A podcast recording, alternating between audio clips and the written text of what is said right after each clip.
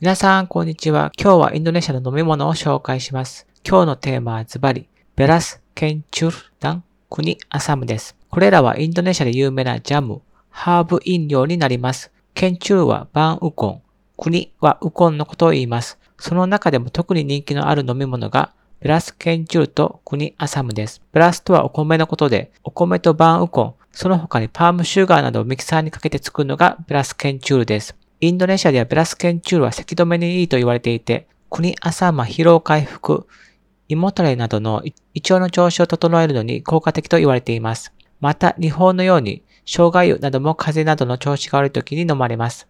インドネシアでは体調が悪くなった時、これらのハーブ飲料を飲むことで体調の回復が早くなるので個人的にはおすすめです。ただ、ジャムは癖のある味なので、口に合わない人もいるかもしれません。皆様もぜひともお試しください。ご視聴ありがとうございます。また明日。